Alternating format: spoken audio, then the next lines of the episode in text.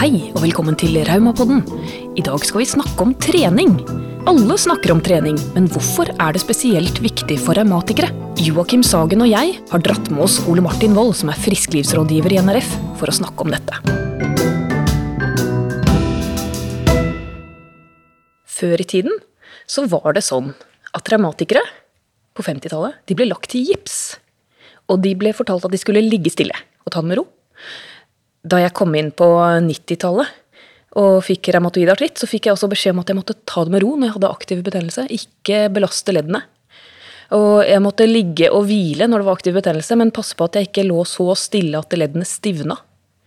Det var rådene på 90-tallet. Så har det jo blitt mer og mer fokus på trening. Såpass mye fokus og såpass mye forskning faktisk på trening at eh, det er et helt eget forskningsfelt. Og vi er så heldige i Norsk Grammatikkforbund at vi har en egen treningsekspert hos oss. Og han har vi nå dratt med oss inn i studio. Eh, Joakim, du har selv masse kunnskap om eh, trening og revmatisk sykdom. Vil du introdusere din bakgrunn i forhold til dette? Ja, altså jeg fikk jo barneleddgikt da jeg var 17 eh, år, og da ville jeg bli profesjonell fotballspiller eh, på sommeren og profesjonell langrennsløper på vinteren. Så fikk jeg beskjed om eh, fra, fra legen og doktoren og alt sånt jeg måtte slutte med fotball. da. Det var jo krise, verre skjebne enn døden. Den psykiske helsa bare ebbet ned, og jeg klarte å slåss meg til å fortsette på fotballaget som keeper. da. Og nå, fra syv år til nå, så sier man jo Eh, fra jeg var syv år til nå, så sier man jo at all aktivitet er bedre enn eh, ingen aktivitet, og at eh, det var bra at jeg fortsatte, fortsatte med fotballspillingen. Så jeg ga opp det å bli profesjonell idrettsutøver, men valgte å fokusere på det teoretiske ved å gå på idrettshøyskolen, da. Så du har gått på idrettshøyskolen, og du er revmatiker. Og så i tillegg så har vi altså Ole Martin Wold, som er frisklivsrådgiver i Norsk Grammatikerforbund. Eh, Ole Martin, kan ikke du fortelle litt om deg selv og jobben du har her? Jo, det kan jeg gjøre. Jeg jobber som frisklivsrådgiver i Norsk Grammatikerforbund. Det har jeg gjort i tre år. Selv har jeg mastergrad i idrett fra idrettshøyskolen med spesialisering innenfor revmatisk sykdom, eh, og er veldig opptatt av individuelt tilpasset trening og trening generelt. Jeg har eh, tatt lederutdanning fra Forsvaret, pedagogikk, altså da som lærerutdanning, og jobba mange år innenfor treningsbransjen og undervisning på skolen, spesielt eh, retta mot eh, kroppsøving, da, altså det vi kalte for gym før.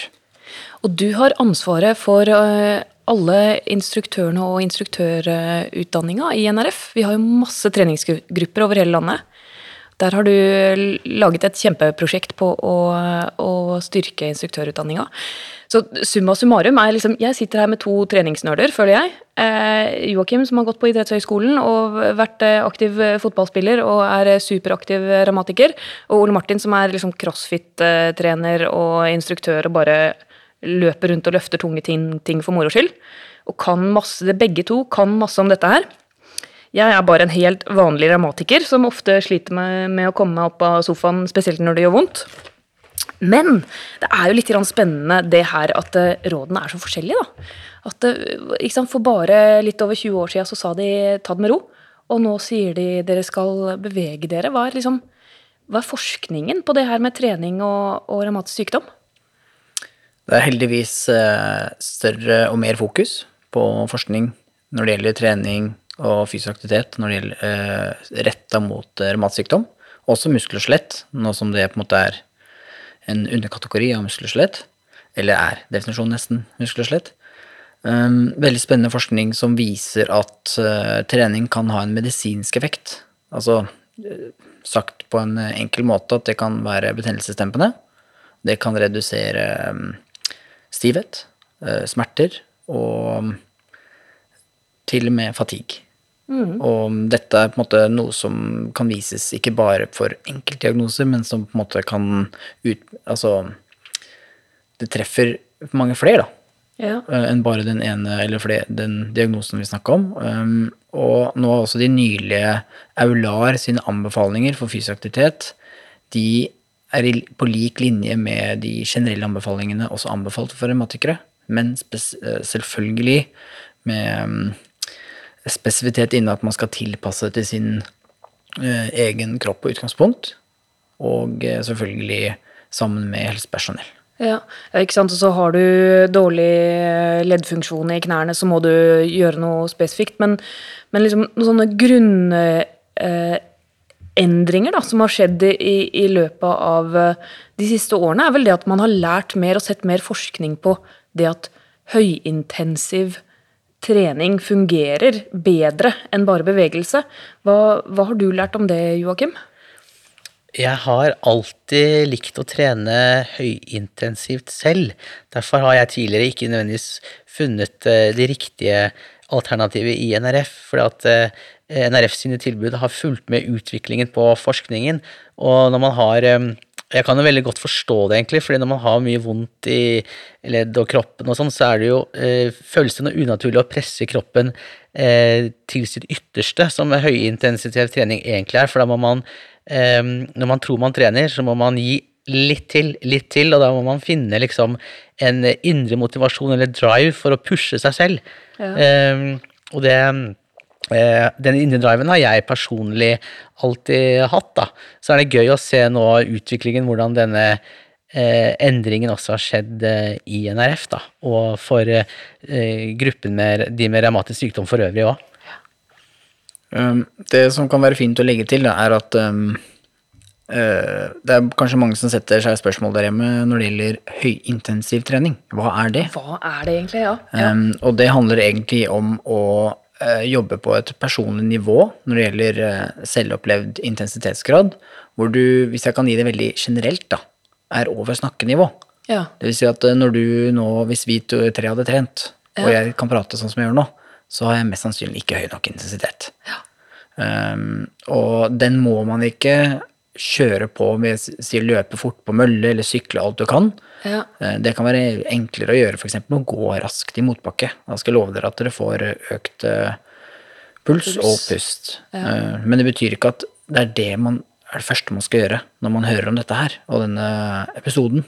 Mm. Det handler om at man skal starte rolig, men det kan vi snakke litt om senere. Ja, ja, hvordan man skal komme i gang. For det er akkurat det, når vi snakker om høyintensiv trening, så tenker jeg liksom at du skal løpe maraton eller ja, sånn som bare løpe veldig fort. Jeg kan ikke løpe, sorry buddies, liksom. Det, leddene mine gjør for vondt. Det, det, funker ikke sånn. Hvordan kan jeg, som en helt vanlig revmatiker med masse vondt i kroppen og diverse mm, bivirkninger og, og fatigue, komme i gang med noe som er mer intensivt enn liksom, koseyoga, da. Koseyoga eller varmtvannstrening er for meg litt sånn derre Ok, det kan jeg klare. Hvordan kommer jeg derfra, liksom?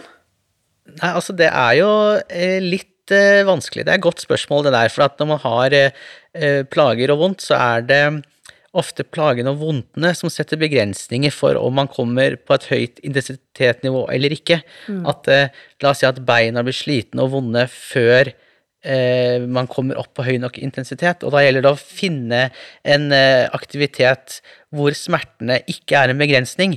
Sånn som jeg har veldig tunge og vonde bein, så det å jogge er uaktuelt. Det å gå jeg kommer ikke opp i intensitet. Men å sykle eller svømme, så kjenner jeg at jeg blir skikkelig sliten, for da er ikke smertene en eh, begrensning. Og da er det bare med hodet som er en begrensning, og da er det jo, kan det være greit å trene i grupper eller med andre, som at man pusher hverandre i et riktig miljø, da. Mm. Gruppepress. Gruppepress. Nest, hva hva, hva syns vi om det? Hva, hva, tror du om det, Ole Martin? Nei, det, det, Dere er jo inne på en av de temaene mine som dere tenker, tenker og hvordan man skal starte opp dette greiene her. Uh, men det er som du sier, um, du må finne din aktivitet. Uh, hvor er det jeg kan pushe Hvis jeg skal trene høyintensivt, da. Hvor, hvor er det jeg kan gjøre det? Ok, Joakim fant ut at uh, svømming og sykling, der er det ikke Eh, smertene som stopper den, det er hodet, ikke sant. For at 'å, nå er det tungt, nå må jeg stoppe', sier hodet. Um, og det betyr jo ikke at man skal uh, pushe seg hver gang til at 'å, nå gjør det så vondt at nå må jeg stoppe'. Det kan ofte være litt uh, skremmende for mange, og dit havner man kanskje når man er sånn som Joakim eller meg selv, at man er mer rutinert og har gjort det såpass lenge at man vet hvordan kroppen reagerer. Um, men for deg der hjemme som ok, greit, nå har jeg lyst til å prøve en høyintensitetsøkt, så ville jeg heller starta med å gjøre aktiviteten på et lavere nivå. Altså ja. at eh, Start med hvor du kan prate under hele veien. Ja. Og når det gjelder f.eks. smerte og betennelse, så kan det være et tips at du tar en økt. Eh, du gjør den på det nivået selvfølgelig du velger selv, Men hvis du har smerte eller hevelse dagen etter, altså spesielt er hevelse eller blir rød eller øm, så er det tegn på at du kanskje har gått litt for hardt. Men det betyr ikke at du skal stoppe, at uh, det, denne aktiviteten funker ikke. Men da har du mest sannsynlig gått fra ingen aktivitet, eller valgt en helt ny aktivitet, som er en overraskelse for kroppen og de leddene du har da påvirka. Så det kan være en lur greie å ta med seg. at um, nesten, Det er på en måte en av mine enkle grep da, i gåsetegn. Start alltid rolig, og aldri kjør på. De, alle har sikkert hørt om de januarfolka, ikke sant? Som hvilke, hvem, hvem er det? Som begynner å trene brått og slutter igjen? Nei, det har jeg aldri gjort. spurter inn på treningssenteret, begynner fem-seks ganger i uka, trener to-tre ti, ikke sant? Altså, jeg forstår virkelig ikke De har masse motivasjon, ikke sant? Og så forsvinner den fordi det funker ikke bra. Um, tenk det litt som en jobb.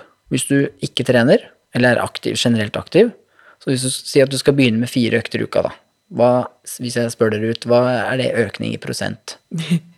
400% Ja, Ja, 200 ja minst, ikke sant? Eh, For, spørs hvor man er hen. Hvis man ikke trener i det hele tatt, så er fire økter i uka ekstremt mye. Og hvis du spør spesialister innenfor utholdenhet eller styrketrening, så anbefaler de deg at eh, si at du trener utholdenhet én gang i uka, så skal du gjøre det minst fem til seks uker før du øker til to. Fordi det tar tid for kroppen å tilpasse seg. Hvis ikke så får du den som typisk, ikke sant, at det blir litt overbelastning. Og så mm, vi, vi vet at uh, mennesker med, eller personer med en revmatsykdom, muskelskjelett, trenger mer pause og restitusjon enn kanskje andre. Og da gjelder det å på en måte ta den ekstra dagen. Det har du bare godt av. For kroppen bygger seg opp og reparerer seg når du tar pause, ikke sant? Ja. Det er belastning, tilpasning. Belastning og tilpasning. Og gradvis progresjon, da. Mm. Altså, det er det jeg mener med at legg på én etter en god stund. Du har ingenting å tape på å bygge opp kroppen sakte, men sikkert, fordi musklene har ikke noe problem med å holde følge. Men det er alt det andre. Det er strukturene, det er leddet, det er ligamenter og sener. De bruker lengre tid til å tilpasse seg. Spesielt for oss som har utfordringer med smerter i ledd, eller stivhet, eller utmattelse, eller hva det skal være. Altså, for, for meg så har det alltid kjentes som liksom, trening er litt sånn av eller på. Enten så gjør jeg det, eller så gjør jeg det ikke. Men eh, du har tidligere beskrevet en sånn hva, Var det fysisk aktivitet som en trapp? Ja. Er det du, et bilde du kan forklare litt? Ja, jeg kan prøve. Um, hvis vi tenker oss um, en lang trapp som man på en måte enten kan gå opp om det er hjemme, eller om du bare tegner det på et ark. Veldig sånn enkelt. Jeg husker Det var en av de beste tingene jeg var da jeg var mindre. Det var å tegne trapp og pinnemennesker og en sykkel da, med pinner. Um, og hvis du ser trappen, så ser du at helt nederst er de daglige bevegelsene vi gjør. Altså om jeg strekker meg nå for å ta meg en kaffe, eller om jeg skal bare gå til kjøleskapet og hente meg eh, Kake. kake, eksempel. Eventuelt eh, noe annet. Det spørs litt. Eh, så er det daglige bevegelser som vi er avhengig av, ikke sant. Og når de forsvinner, så er det innmari kjedelig. Videre opp trappa så har du funksjonell bevegelse, altså ting som skal gjøre at du kan få til alt i hverdagen. Og sammen, nesten sammen så har du fysisk aktivitet. Enda lenger opp i trappa, egentlig på toppen, men det er mer ønske, det er trening. Um, målet med den trappa her er at du skal bevege deg så høyt opp som mulig. Ikke fordi at du skal begynne å trene at det er målet, men det er muligheten. Så på toppen gir det altså på en måte den fysiske, fysiske funksjonen i hverdagen til å kunne trene. Da holder man seg mest sannsynlig i veldig helsemessig god form. Så um, vi anbefaler jo de der hjemme til å gå opp trappa, og den er veldig individuell. Noen bruker kanskje et år på å komme opp til fysisk aktivitet, mens noen bruker tre uker på å komme til trening.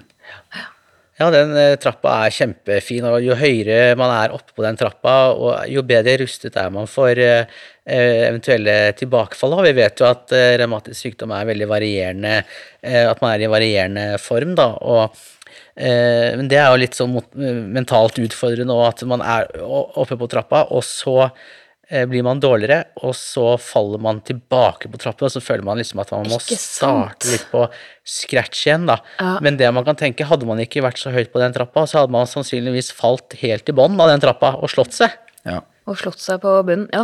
Altså, for eh, motivasjonens del, og jeg kan jo Jeg har gått gjennom den runden du beskriver der, eh, Joakim, mange ganger. For jeg får som regel alltid en dårlig periode om vinteren. Så når, jeg kan liksom trene meg opp i sommerhalvåret, og så kommer høsten, og så kommer smertene og fatiguen og alt sånn, og så blir det mer og mer stillesitting og vanskeligere og vanskeligere å trene. Og så og går jeg ofte på en sånn januar eh, bare «Uhu, nå skal jeg ta i skikkelig, og smeller rett i veggen. Men, og jeg syns det er demotiverende, da, rett og slett, og, å, å liksom rykke nedover. Eh, man vil jo bare gjerne være der. Men det jeg husker var stort gjennombrudd for meg, eh, det var da jeg begynte å bruke det treningsopplegget som ble anbefalt gjennom også trenings- og medisinprosjektet vi hadde her. Jeg testa det opplegget. Det var jo ganske solid forskning var det 2015-2016 det begynte å komme liksom resultater fra revmatikere som drev med intervalltrening. Fire ganger fire intervalltrening to ganger i uka. Mm. Og gjorde sånn, fikk opp pulsen til ca. 85 Og så, så, tenkte jeg ok, hvis vi skal anbefale dette, så må jeg teste det. Så begynte jeg å teste og gjøre det selv, og da gikk jeg på en sånn ellipsemaskin som fantes i kjelleren i, i blokka. Um, bare fikk opp pulsen i fire minutter, litt pause, fikk opp pulsen i fire minutter. Og i løpet av noen uker med det, så hadde jeg så mye bedre funksjonsnivå at det var, det var liksom før og etter, altså. Så det, det å få oppleve det selv var utrolig motiverende. Så det er fordelen med å være dårlig trent. Det er at man har skikkelig god effekt av uh, trening. Man får veldig god effekt i starten, og jo bedre man, trent man er, jo, jo lengre tid tar det å få ytterligere progresjon. Uh, kan du fylle ut litt her for meg, Ole Martin? Det stemmer. Uh, de som er lite aktive, eller ikke aktive i det hele tatt, de har størst utbytte og den aller største skal jeg si, oppoverbakken med positiv forstand. Da. Så vi vinner? I, så det vil si at, ja, det vil si at hvis du på en måte starter nå, mm. så har du sinnssykt potensial til å få en forbedring. Eh, og så er det som Joakim sier, jo bedre trent du er, det er der ofte de fleste slutter, for de har kjempeprogresjon. Så kommer de til et punkt og bare Oi, hvorfor øker jeg ikke på det, eller hvorfor løper jeg ikke kjappere der, eller får sykle? Det betyr at kroppen har tilpassa seg, og at du begynner å bli godt trent. Mm. Og da, som Joakim sier, da tar det lengre tid for å bygge opp kroppen til å bli sterkere eller raskere eller bedre utholdenhet eller hva det skal være, eller bedre bevegelighet. Så vil si at det er når liksom motivasjonen blir satt på en liten prøve, det betyr at da er kroppen bra rusta. Og hvis du klarer å vedlikeholde, så vil du bygge opp kroppen som du sier, da, på en kjempegod måte. Og når man får en aktiv sykdom, så vil man komme raskere tilbake igjen.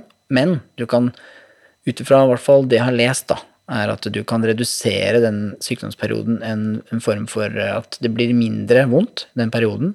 Det kan også bli kortere. Um, og det skal legges til at den studien på spondylartritt, mm. der var det inklusjon. Altså du, for å, måtte, for å kunne delta, så måtte du ha en aktiv sykdom. Ja. Så alle deltakerne så i studien hadde ja, aktiv sykdom. Og de trente høyintensivt, og du nevnte nettopp 85 eh, Disse i denne studien her trente 90-95% av makspuls. Da er du andpusten, da. Det, ja, de, det vil si at eh, for de som kan eh, matte, så er det veldig høyt, og de hadde kjempeutbytte. Og dette hadde også påvirkning på deres fysisk aktivitetsnivå ett år etterpå. Ett år etterpå? Mm. Ok, Så kortversjonen her er få opp pulsen. Det har stor medisinsk effekt? Er det det liksom som var ja. ja få pulsen ja, på riktig det, måte? Og dette trenger ikke Altså, det, det anbefales å trene utholdenhetstrening tre til fem ganger i uka. Oi. Men det betyr ikke intervalltrening tre til fem ganger i uka. Fordi at jo høyere intensitet, intensitet du har, jo lengre pause skal du ha mellom, og jo, færre, jo, altså jo flere ganger du trener utholdenhet i uka, jo færre intensive økter skal det være. Mm -hmm. Så Um, og da handler det ikke om som jeg sa, å starte hardt. Start rolig, én til to ganger, og det kan holde i massevis. Og du trenger ikke å pushe hver eneste økt, og jo flere som sagt, jo flere du har, jo roligere bør det være. Og du kan få en nesten like god utholdenhetseffekt ved å trene på mer moderat intensitet, men da må du trene lenger. Mm. Så intervaller, som du ser fire ganger fire, med oppvarming tar kanskje 26 minutter til sammen. Oppvarming, delen og etterpå. Mens moderat, ja, da må du kanskje holde på i 30 minutter pluss. Så det er tidseffektivt også, å få opp intensiteten? Veldig. Ja. Det viktigste er at det blir på en måte implementert i livsstilen, at man, holder, at man ikke bare trener eh, liksom en periode, men at det blir en del av noe man gjør regelmessig hele tiden. Ja. Uh, ja. Og så kan man jo gå lei da hvis man skal gjøre det samme bakkeløpet to ganger i uka resten av livet. Så da er det jo å finne variasjoner da, og litt uh, artige måter å gjøre det på. Vi har jo et ganske stort spenn av aktivitetstilbud i NRF, og det er jo utrolig mange forskjellige treningsformer man kan gjøre nå så ikke det blir en vane og kjedelig. Trening skal jo først og fremst være gøy. Det er helt riktig. og jeg skal ikke bare sitte og reklamere for utholdenhetstrening, fordi styrketrening er nokså viktig. Og da styrketrening kan ofte skremme bort litt folk, for da tenker man jeg må løfte vekter på treningssenter. Absolutt ikke. Dette er noe man kan gjøre hjemme, hvor som helst, til og med uten utstyr. Det viktigste er å aktivere den muskulaturen vi har, slik at vi ikke mister den. Fordi det gjør vi hvis vi ikke bruker den. Og jo eldre vi blir, jo kjedeligere det er det å ha muskulatur som ikke fungerer, fordi da vil man etter hvert få en dårlig funksjonalitet.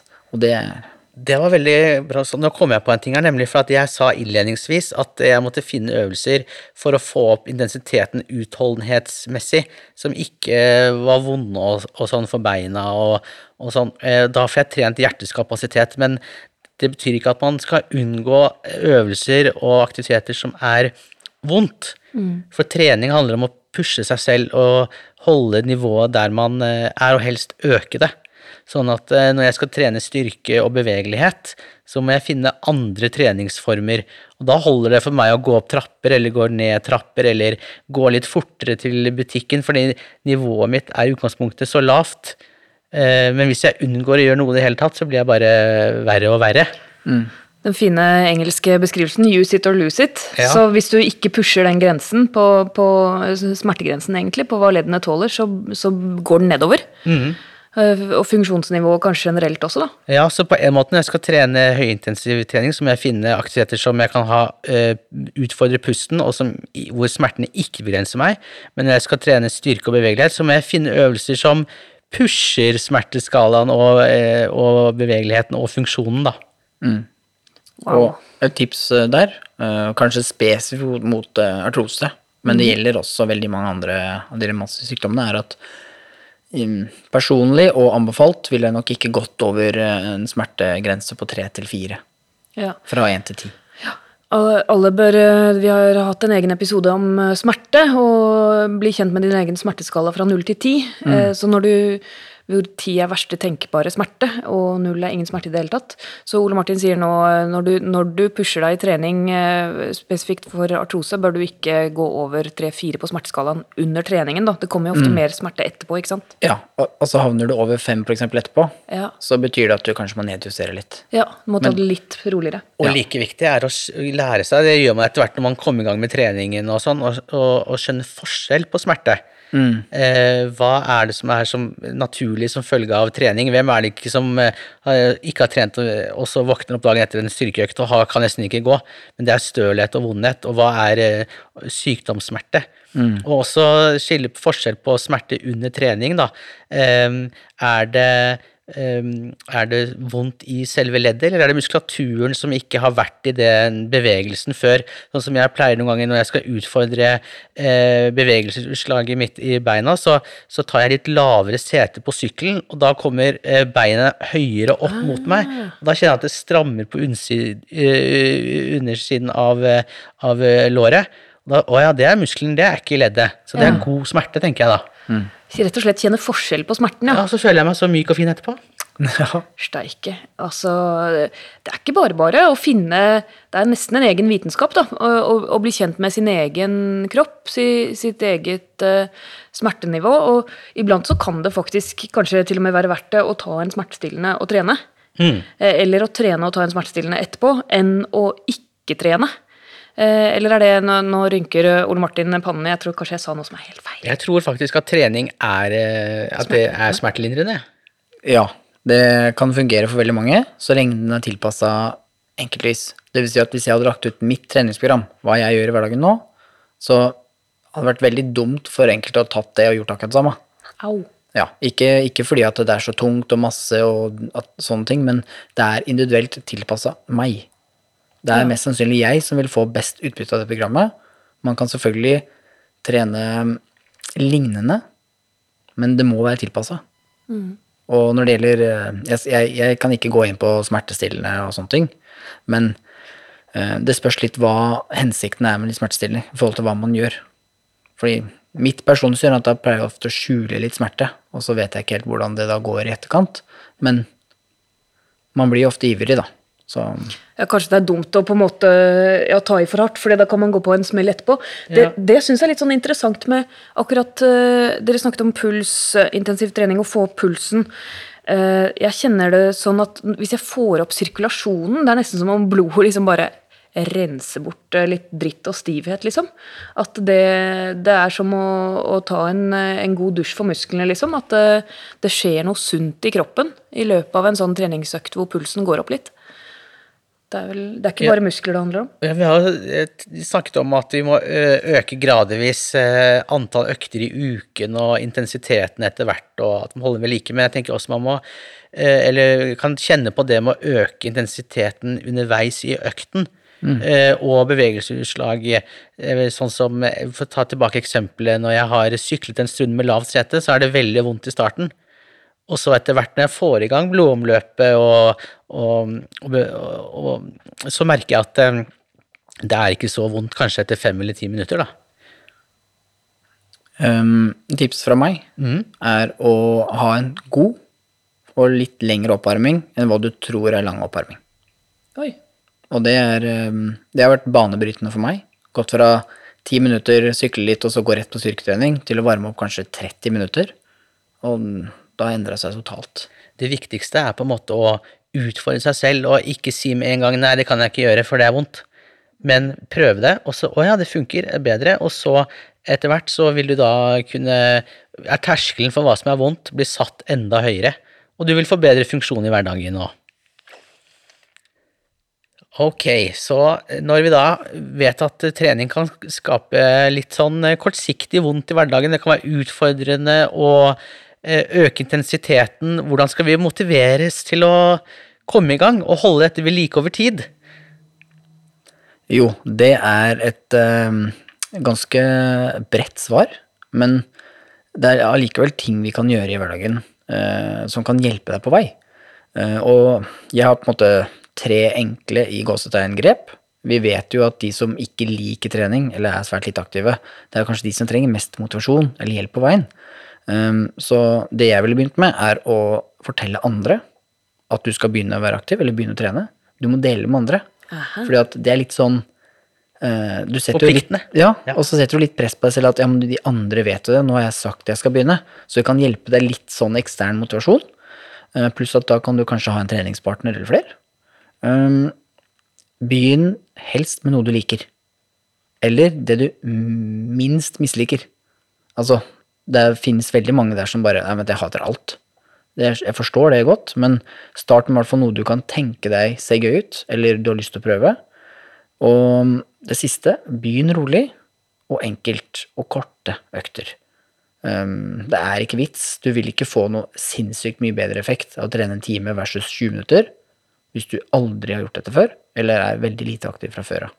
Og det gjelder også de som er, allerede er aktive, men kanskje vil øke aktivitetsnivået sitt, som vi snakka om tidligere. Da øker man litt og litt. Ja, og Så- hvis ikke man kan styre dette selv og vil ha hjelp, og dette med det sosiale og instruktører som er gode og morsomme gruppetimer, så har jo vi et bra tilbud i NRF. Det stemmer. Eh, Anna nevnte innledningsvis her at eh, vi har, eller jeg har ansvaret for instruktørutdanninga. Og det er jeg veldig glad for, fordi det, brenner, det er noe jeg brenner for. Og det er noe vi også har jobba med ved å kvalitetssikre. Det vil si at vår instruktørutdanning i dag er enda bedre, og alle de som tar utdanninga, de tar den samme. Så det vil at uavhengig om du er her eller i Tromsø, så får du den samme, det samme kursinga og det samme innholdet, og det er blitt kvalitetssikra. Både av oss som jobber her, og eksterne fagpersoner. Også NRFs lokallag har jo, det det, det vi driver mest med, egentlig. Det er treningsaktivitet. Vi kunne jo vært en treningsklubb, nesten. Eh, idrettslag. Eh, Norsk Revmatikerforbund har eh, over 200 lokalforeninger, og i de lokalforeningene så er det ofte trening, bassengtrening og styrketrening og forskjellige treningsaktiviteter som er hovedaktiviteten. Og alle de instruktørene, de kurses av eh, Ole Martin. Mer eller mindre. Mer eller mindre. Det finnes også egne timer for eh, barn og unge. Det er ikke så mye nå, men det er noe vi skal øke etter hvert, med egne instruktører for eh, barn og unge, for alle Burg-medlemmer der hjemme. Ja, ehm, og det skal sies at ehm, vi har jo ikke bare instruktørutdanninga som prosjekt. Vi har også flere andre spennende prosjekter som er underveis, og som eh, snart kommer ut. Og det er noe som vi holder på med nå, er jo hjemmetrening i koronatider. Mm, Videoer som publiseres daglig med trening du kan gjøre hjemme. Mer eller mindre uten noe utstyr. Eh, Eller de fleste har jo f.eks. en stol hjemme, eller f.eks. et kosteskaft. eh, Eller kan være ute. Der er det masse spennende, og det er laget av mennesker med revmatsykdom og tilpassa til de med revmatsykdom. Og så har vi et annet prosjekt som jeg også gleder meg veldig til at skal komme ut. Det er Klar, ferdig, tren. Klar, ferdig, tren. Woohoo! Det er helt rått. Det er et trening, aktivitet og mestringskonsept som er digitalt og gratis for alle medlemmer. Og det er noe du kan gjøre hvor som helst, når som helst. Og der også tar vi litt um, grep når det gjelder motivasjon. Ja. Fordi at um, alle kan få et treningsprogram, men vedlikeholde treningsprogrammet, det er vanskelig. Spesielt hvis du ikke trener. Uh, så der har vi litt sånn selvoppfølging. Mange gode tips. Uh, vi har eller vi snakker rundt det mentale mental trening. For det handler jo ikke om at eh, mental trening er for de som har utfordringer psykisk. Mental trening er hvordan, du tenker og hva du sier til deg selv. Både før, under og etter trening. Så Klar, ferdig, tren er altså et eh, ferdig opplegg helhetlig med både øvelser for alle nivåer og liksom mental trening og, og mestringskonsept som du kan følge hjemmefra hvis du er medlem i Norsk Grammatikkforbund. Ja, øhm, og det er tilpassa helt, helt ned til sengenivå. Altså det vil si at hvis du er sengeliggende, så får du styrkeøvelser, eller aktiveringsøvelser, da, men som vil være styrkende for kroppen. Og det er helt opp til eh, bajasene, som da kaster vekter rundt hodet, og sånt, som jeg ble introdusert som litt tidligere. Ja. Så det, det passer til alle, øhm, og det er jeg veldig glad for. Så utrolig spennende det skal bli når folk får prøve dette. Det er noe vi har jobba med eh, i en god stund, og det bygger på det treningsfaglige arbeidet som har skjedd i NRF i, i flere år nå. Nå har man ikke noe unnskyldning for å være inaktiv lenger. Man Nei, har ikke, Søren, altså. De der eh, treningsekspertene de bare lager sånne lette løsninger for oss som vi har ingen unnskyldning for å bli sittende på sofaen. Nei. Og det er godt, fordi trening er eh, ferskvare og har eh, helsemessige effekter. Gode.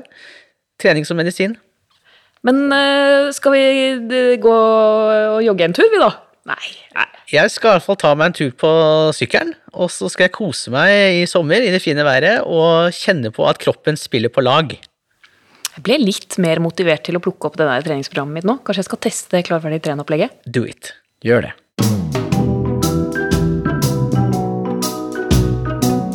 I dag har vi snakka om trening med revmatisk sykdom.